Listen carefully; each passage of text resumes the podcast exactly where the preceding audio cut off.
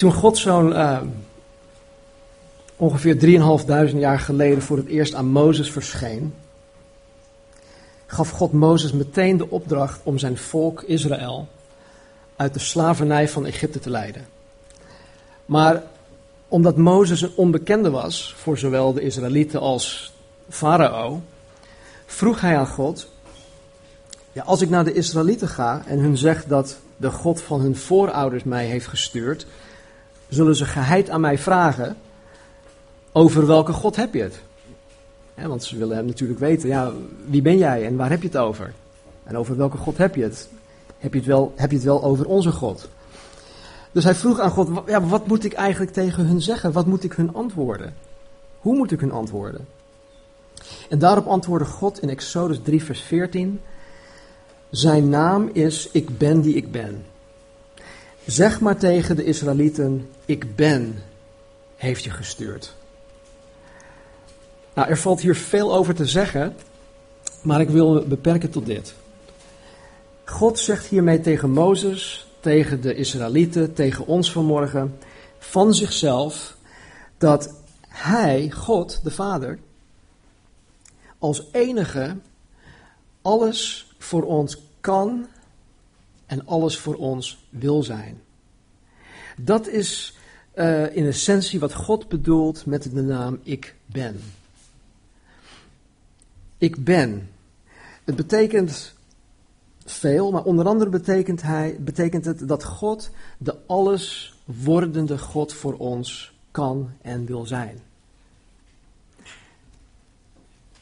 En wat jouw of uw nood voor morgen ook zou kunnen zijn, het maakt voor God helemaal niets uit. Want God is bij machten, en niet alleen bij machten, hij is welwillend om jou in je nood vanmorgen te helpen.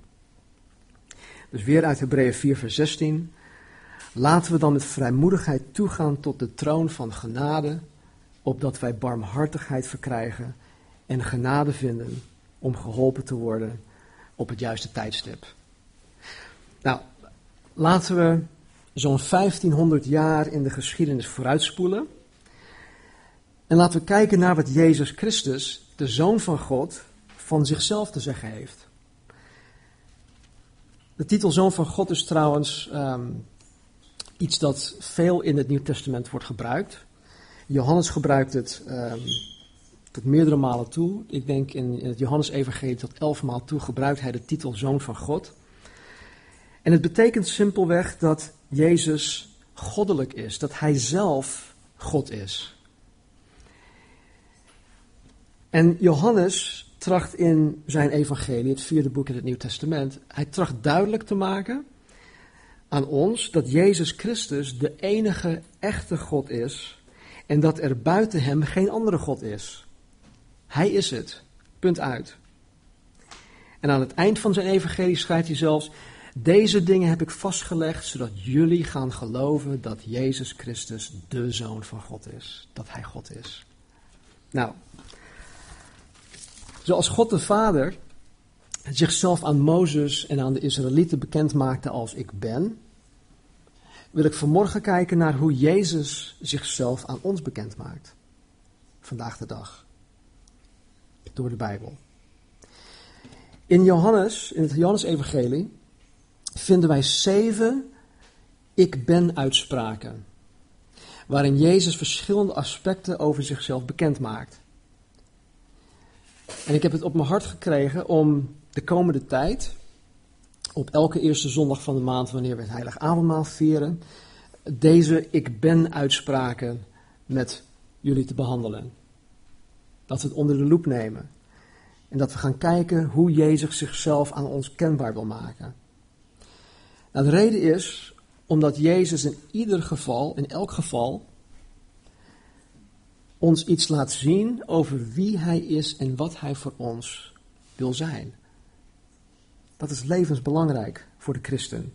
Om Jezus te kennen zoals Hij daadwerkelijk is. En vanmorgen maken wij een, een begin, een heel klein begin moet ik wel zeggen, aan de eerste ik ben uitspraak van Jezus Christus. Dus laten we, als je je Bijbel meegenomen hebt, laten we onze Bijbels openslaan op het Evangelie van Johannes, hoofdstuk 6. Ja, John chapter 6. Ja.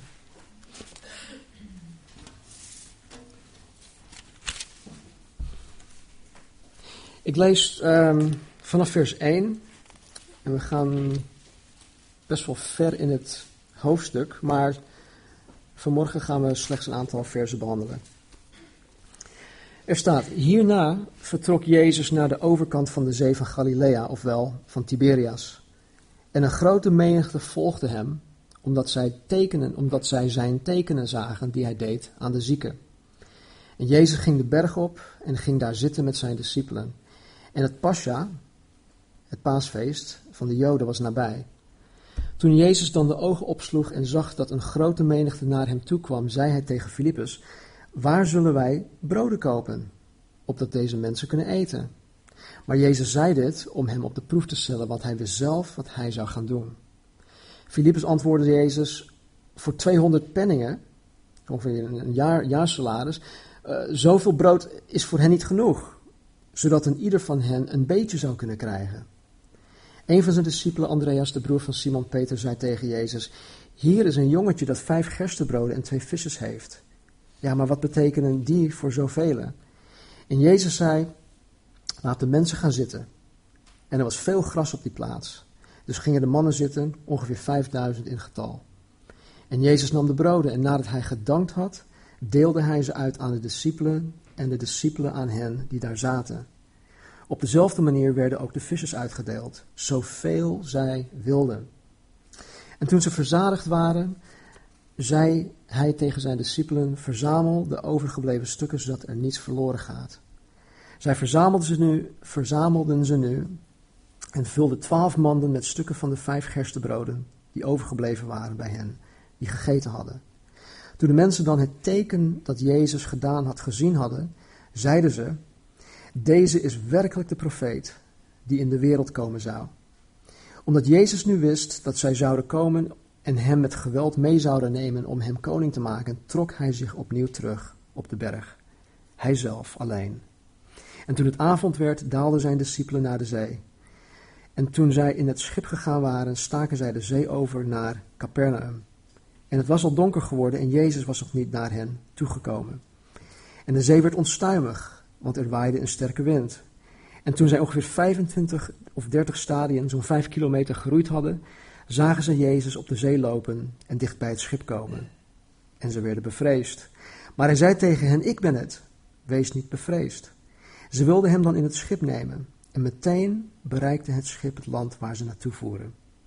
De volgende dag zag de menigte, die aan de overkant van de zee stond, dat daar geen andere scheepje was dan dat ene waar zijn discipelen in gegaan waren. En dat Jezus met zijn discipelen in het scheepje gegaan was. Maar dat zijn discipelen alleen weggevaren waren. Maar er kwamen andere scheepjes van Tiberias dicht bij de plaats waar zij het brood gegeten hadden, nadat de Heer gedankt had. Toen de menigte nu zag dat Jezus daar niet was, en ook zijn discipelen niet, gingen zij zelf ook in de schepen en kwamen in Capernaum om Jezus te zoeken. En toen ze hem gevonden hadden aan de overkant van de zee, zeiden zij tegen hem, Rabbi of meester, wanneer bent u hier gekomen? Jezus antwoordde hun en zei, voorwaar, voorwaar, ik zeg u, u zoekt mij niet omdat u tekenen gezien hebt, maar omdat u van de broden gegeten hebt en verzadigd bent. Werk niet om het voedsel dat vergaat, maar om het voedsel dat blijft tot in, de tot in het eeuwige leven. Dat de Zoon des Mensen u geven zal. Want hem heeft God de Vader verzegeld. Ze zeiden dan tegen hem: Wat moeten we doen opdat wij de werken van God mogen verrichten? Jezus antwoordde en zei tegen hen: Dit is het werk van God, dat u gelooft in hem die hij gezonden heeft. Zij zeiden dan tegen hem: Welk teken doet u dan? Opdat wij het zien en u geloven. Wat werkt u? Onze vaderen hebben het manna gegeten in de woestijn, zoals geschreven is. Hij gaf hun het brood uit de hemel te eten. Jezus dan zei tegen hen: Voorwaar, voorwaar, ik zeg u, niet Mozes heeft u het brood uit de hemel gegeven, maar mijn vader geeft u het ware brood uit de hemel. Want het brood van God is Hij die uit de hemel neerdaalt en aan de wereld het leven geeft. Ze zeiden dan tegen hem: Heere, geef ons altijd dat brood. En Jezus zei tegen hen: Ik ben het, brood des levens. Wie tot mij komt, zal beslist geen honger hebben. En wie in mij gelooft, zal nooit meer dorst hebben. Maar ik heb u gezegd dat u mij wel gezien hebt, maar toch gelooft u niet. Alles wat de Vader mij geeft, zal tot mij komen. En wie tot mij komt, zal ik beslist niet uitwerpen. Want ik ben uit de hemel neergedaald, niet opdat ik mijn wil zou doen, maar de wil van hem die mij gezonden heeft. En dit is de wil van de Vader, die mij gezonden heeft. Dat ik alles wat hij mij gegeven heeft, gegeven heeft niets verlies, maar het opwek op de laatste dag. En dit is de wil van hem die mij gezonden heeft, dat ieder die de Zoon aanschouwt en in hem gelooft, het eeuwig leven heeft. En ik zal hem opwekken op de laatste dag. tot zover. Een heel stuk. Even om het samen te vatten. In dit verslag lezen we hoe Jezus een gigantisch wonder had verricht. Het wonder was dat hij 5000 mannen te eten heeft gegeven met vijf broden en twee vissen. De vrouwen en kinderen worden daar niet eens bij inbegrepen. In, in, in het getal, in 5000. Dus het werkelijk aantal mensen is waarschijnlijk veel meer dan 5000. Jezus verricht hier een bovennatuurlijk wonder die voorziet in een natuurlijke nood. Het is heel belangrijk om dat te onthouden. Mensen hadden honger en ze moesten eten. Dus Jezus, door middel van Gods bovennatuurlijke kracht, vermenigvuldigt vijf broden en twee vissen om een hele menigte daarmee te verzadigen. Iedereen had zich, op plat gezegd, had zich volgevreten. En toch was er nog heel veel eten overgebleven. Jezus gaf overvloedig. En de mensen zeiden in vers 14, toen, de of, uh, ja, toen de mensen dat, dan het teken dat Jezus gedaan had gezien hadden, zeiden ze, deze, dus Jezus is werkelijk de profeet die in de wereld zou komen. Deze menigte herkende Jezus als de lang verwachte Messias, hun lang verwachte Messias. Maar ze begrepen niet waar het om draaide. Het teken die hij deed ging niet om het brood en, het, en, en, en de vissen. Het had een geestelijke betekenis, maar daar komen we zo meteen nog op terug. Ik wil het verhaal eigenlijk oppakken bij, bij, vers, bij vers 22. De volgende dag, dus na, deze, na dit wonder, de volgende dag zag de menigte die aan de overkant van de zee stond, dat er geen ander scheepje was dat, dan dat ene waar zijn discipelen in gegaan waren. En dat Jezus met zijn discipelen niet in het scheepje gegaan was, maar dat zijn discipelen alleen weggevaren waren. Maar er kwamen andere scheepjes van Tiberias dicht bij de plaats waar zij het brood gegeten hadden nadat de Heer gedankt had. Toen de menigte nu zag dat Jezus daar niet was en ook zijn discipelen niet, gingen ze zelf ook in de schepen en kwamen in Capernaum om Jezus te zoeken. En toen ze hem gevonden hadden aan de overkant van de zee, zeiden ze tegen hem: Meester of rabbi, wanneer bent u hier gekomen? Vers 26. Jezus antwoordde hun en zei: Voorwaar, voorwaar, ik zeg u, u zoekt mij niet omdat u tekenen gezien hebt, maar omdat u van de broden gegeten hebt en verzadigd bent. Tot zover. Na het grote wonder dat Jezus um, had gedaan. Nadat Jezus deze mensen hun in, uh, in hun lichamelijke behoefte, uh, behoefte had voorzien. Dat was de nacht, de avond ervoor. Hadden ze deze ochtend blijkbaar weer honger. toch? Dat is toch heel menselijk? Ik kan me s'avonds helemaal vol eten.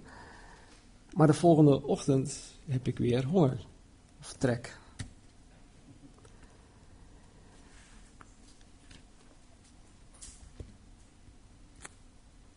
En um, omdat ze honger hadden, gingen ze dus op zoek naar Jezus. Ze hadden het ervaren. Jezus had in hun behoefte, in hun nood voorzien. En ze dachten van, hé, hey, als dit de, echt de Messias is, de lang verwachte, En als Hij dit kan doen, dan wordt het leven voor ons een stuk anders. Dan gaat ons leven veranderen. Dan hoeven we waarschijnlijk niet zo hard te gaan werken. Dan hoeven we waarschijnlijk dit niet te doen en dat niet te doen. Want kijk, met vijf broden en twee vissen kan hij dit allemaal doen. Wat kan hij nog meer doen? Dus toen ze Jezus vonden, want ze zagen niet dat hij wegging, vroegen ze verbaasd: Wanneer bent u hier gekomen? Maar Jezus beantwoordt deze vraag niet. Wat doet hij? Hij kijkt rechtstreeks in de harten van deze mensen. En hij ziet de achterliggende motivatie van waarom zij hem zochten. Hij zegt eigenlijk: Jullie zoeken mij niet om de reden waarom ik het wonder heb verricht. Maar jullie zoeken mij omdat ik in jullie lichamelijke nood heb voorzien. Vers 27. Werk niet om het voedsel dat vergaat, maar om het voedsel dat blijft tot in het eeuwige leven dat de Zoon des Mensen u geven zal. Want hem heeft God de Vader verzegeld. Jezus zegt tegen hun dat hun leven niet moet draaien om de dingen die vergaan. Dingen zoals eten, dingen zoals drinken, dingen als, zoals uh, je kleding. Maar dat ze zich moeten toeleggen op datgene dat tot in de eeuwigheid zal blijven bestaan. In Matthäus, Matthäus hoofdstuk 6, zegt Jezus dit. Hij zegt, al deze dingen, hè, dus eten, drinken, kleding, zoeken de mensen die God niet kennen. Mensen uh, jagen die dingen na. En er is op zich niks mis met eten, drinken en kleding. We hebben dat allemaal nodig.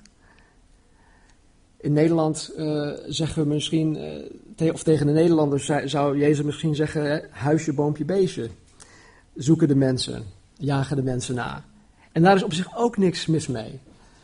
Maar laat jouw leven niet alleen draaien om deze dingen. Hij zegt in Matthäus 6: Uw hemelse Vader weet immers dat u al deze dingen nodig hebt. Maar zoek eerst het koninkrijk van God en zijn gerechtigheid, en al deze dingen zullen u erbij gegeven worden. Dus God weet wat we nodig hebben. En als wij vanuit onze positie eerst het, het koninkrijk van God nastreven en, en, of, of uh, najagen en zijn gerechtigheid, dan, zul, dan zal God voor alle andere dingen zorgen. Daar hoeven we ons niet druk over te maken. Jezus zegt hier van zichzelf dat God de Vader hem heeft verzegeld. En dat betekent dat God de Vader Jezus een herkenningsteken heeft gegeven. Tegenwoordig kennen wij um, keurmerken.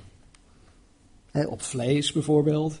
Of uh, bepaalde bedrijven die een, een, een soort van uh, kwaliteitsproces uh, hebben, hebben ISO-certificaten. Nou, dat is een keurmerk op hun proces of op hun bedrijfsvoering of noem maar op. Nou, wat, wat, wat, wat God met Jezus heeft gedaan, is hij heeft hem een herkenningsteken gegeven waarvan God zegt, ik keur hem goed als de enige echte die jullie kunnen redden. Hij is het. Er is geen ander. Kijk ook niet of zoek ook niet naar anderen. Hij is het. En hij heeft een herkenningsteken gekregen. Daar zullen we het de volgende keer meer over hebben. Vers 28. Ze zeiden dan tegen Jezus: Wat moeten wij doen opdat wij de werken van God mogen verrichten? Jezus antwoordde en zei tegen hen: Dit is het werk van God. Dat u gelooft in hem die hij gezonden heeft. Ze zeiden dan tegen hem: Welk teken doet u dan? Opdat wij het zien en u geloven. Wat werkt u? Onze vaderen hebben de mannen, mannen gegeten in de woestijn. Zoals geschreven is: Hij gaf hen het brood uit de hemel te eten. Jezus dan zei tegen hun, voorwaar, voorwaar, ik zeg u, niet Mozes heeft u het brood uit de hemel gegeven, maar mijn vader geeft u het ware brood uit de hemel. Want het brood van God is hij die uit de hemel neerdaalt en aan de wereld het leven geeft. Ze zeiden dan tegen hem, Heere, geef ons altijd dat brood. Nou, volgende keer, volgende maand, kom ik terug op dit gedeelte. Jezus zei tegen hen, in vers 35, en daar wil ik me vanmorgen op, op gaan concentreren, is vers 35. Jezus zei, ik ben het brood des levens. Wie tot mij komt zal beslist geen honger hebben en wie in mij gelooft zal nooit meer dorst hebben. Hier zien we wat Jezus van zichzelf tot ons te zeggen heeft. Hij noemt zichzelf hier ik ben. En hij voegt er iets aan toe dat, dat overeenkomt met een levensbehoefte van de mens. Ik ben het brood des levens. Wij mensen hebben een geestelijke nood dat te vergelijken is met een lichamelijke nood. En wij noemen die nood honger. Zoals wij honger krijgen wanneer ons lichaam voedsel nodig heeft, heeft ieder mens die ooit bestaan heeft en ooit zal bestaan, een innerlijke honger.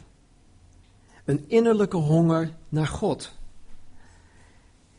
Dit is een geestelijke honger. Een honger van je ziel. Elke, elke Jood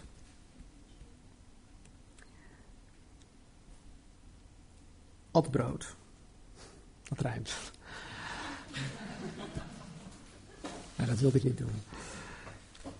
Elke Jood die at brood. Het was voor hun van die tijd, en waarschijnlijk vandaag de dag nog steeds, hun hoofdvoedsel. Sterker nog, brood is en was voor bijna alle volkeren hoofdvoedsel. Iedereen weet, of over het algemeen, weet iedereen wat brood is. En iedereen heeft op zijn minst wel wat brood in huis. Brood is dus gewoon. Het is voor de gewone mens toegankelijk. En het is ook noodzakelijk om te kunnen leven, om in leven te kunnen blijven. Dan heb ik het niet over bijvoorbeeld de Atkins diet. die zegt dat je geen brood moet eten, maar goed, dat is een heel ander verhaal. Maar even vanuit dit oogpunt is brood noodzakelijk om te kunnen blijven leven. En Jezus zegt dat Hij de enige is die onze honger kan verzadigen. En Hij noemt zichzelf het brood des levens. En Hij zegt met deze uitspraak dat zoals brood noodzakelijk is om lichamelijk te kunnen blijven leven, is het brood des levens noodzakelijk om geestelijk te kunnen leven. Het is geestelijk voedsel voor de ziel. De ziel is ons, ons denken, ons, ons, um, onze, onze emoties, onze, onze, ja, eh, het Grieks woord is, is, is psyche, uh, psyche, we noemen dat ook wel eens psyche in het Engels. Het is wie we zijn, wat we voelen. En, en Jezus kan in alle dingen voorzien wat wij ook voelen, wat we ook meemaken, onze emoties, onze teleurstellingen, onze frustraties, waar we ook mee zitten. In Psalm 23 zegt David dat God bij machten is om onze ziel te verkwikken, om onze ziel te herstellen.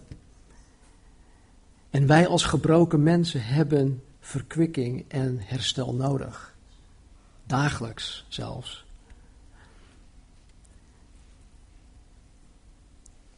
Ondanks dat de mens vergeten is, of in sommige gevallen zelfs dat de mens het ontkent, is de mens niet alleen een lichamelijk of een fysiek wezen. Maar wij zijn voornamelijk een geestelijk wezen. Want wij zijn in het, naar het beeld van God gemaakt. En God is geest.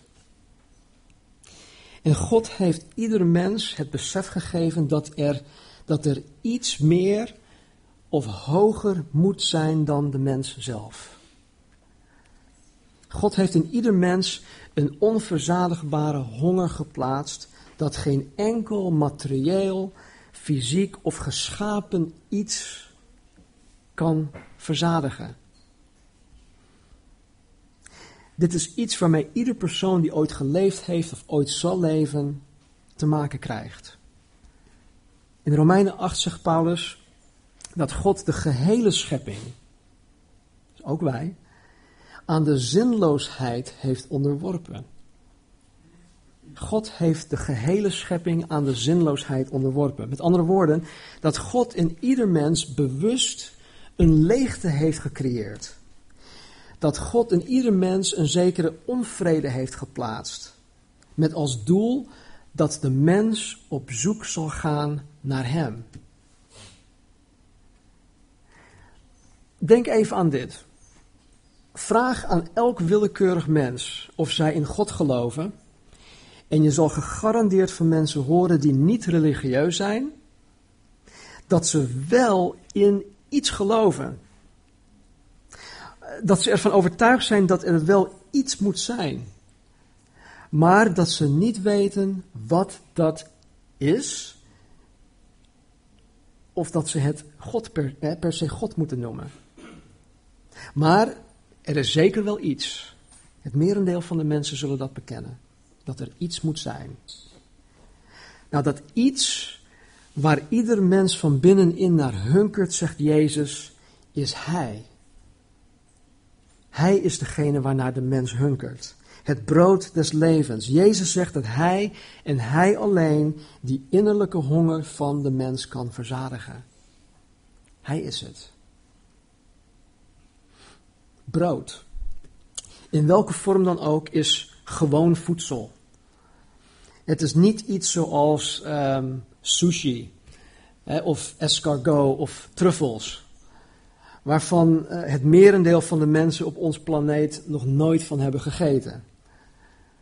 Het is gewoon, het is uh, voor ieder mens toegankelijk en het is in welke vorm dan ook voor ieder mens verkrijgbaar. En zoals brood is Jezus Christus voor ieder mens toegankelijk en verkrijgbaar. Niemand, maar dan ook niemand, is bij voorbaat buitengesloten.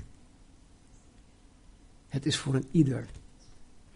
Jezus zei tegen hen in vers 35: Ik ben het brood des levens. Wie tot mij komt, zal beslist geen honger hebben. Hij heeft het niet over die honger die ik na de dienst zal hebben eh, wanneer ik naar huis ga. Nee, hij heeft het over die innerlijke geestelijke honger waar elk mens naar, naar, naar hunkert, naar hem. En hij zegt, wie tot mij komt zal beslist deze geestelijke honger niet meer hebben. En wie in mij gelooft zal nooit meer dorst hebben. Dit doet me denken aan het verhaal in hoofdstuk 4 van Johannes. Het lichaam heeft bepaalde um, drangen. De eerste drang is voor lucht, hè, voor, voor zuurstof. De tweede drang is voor, voor drinken. De derde is voor eten. Dus Jezus gebruikt een voorbeeld van, vanuit iets waar we allemaal mee te maken hebben. En hij zegt, zoals je honger hebt en zoals je dorst hebt, zoals je lucht nodig hebt, zo ben ik voor je ziel. Zo ben ik voor jouw geestelijk leven. Denk even hieraan. Om de voedingswaarde van brood, of om van de voedingswaarde van brood gebruik te kunnen maken, is het noodzakelijk dat je het brood eet. Toch? Dat is heel simpel.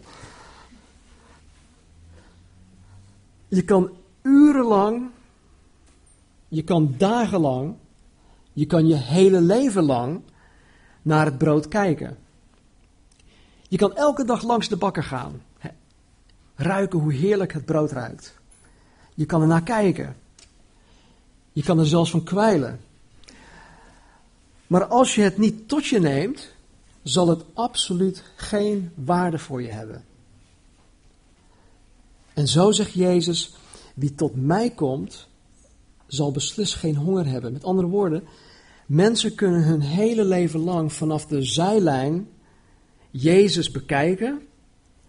Ze kunnen zelf zeggen tegen, tegen ons van, ja, nou, weet je, dat is hartstikke mooi voor jou. Maar dat is niet voor mij. Dus ze kunnen Jezus vanaf de zijlijn bekijken, maar tenzij een mens tot Jezus komt, zal hij of zij nog altijd ontevreden en onverzadigbaar door het leven gaan.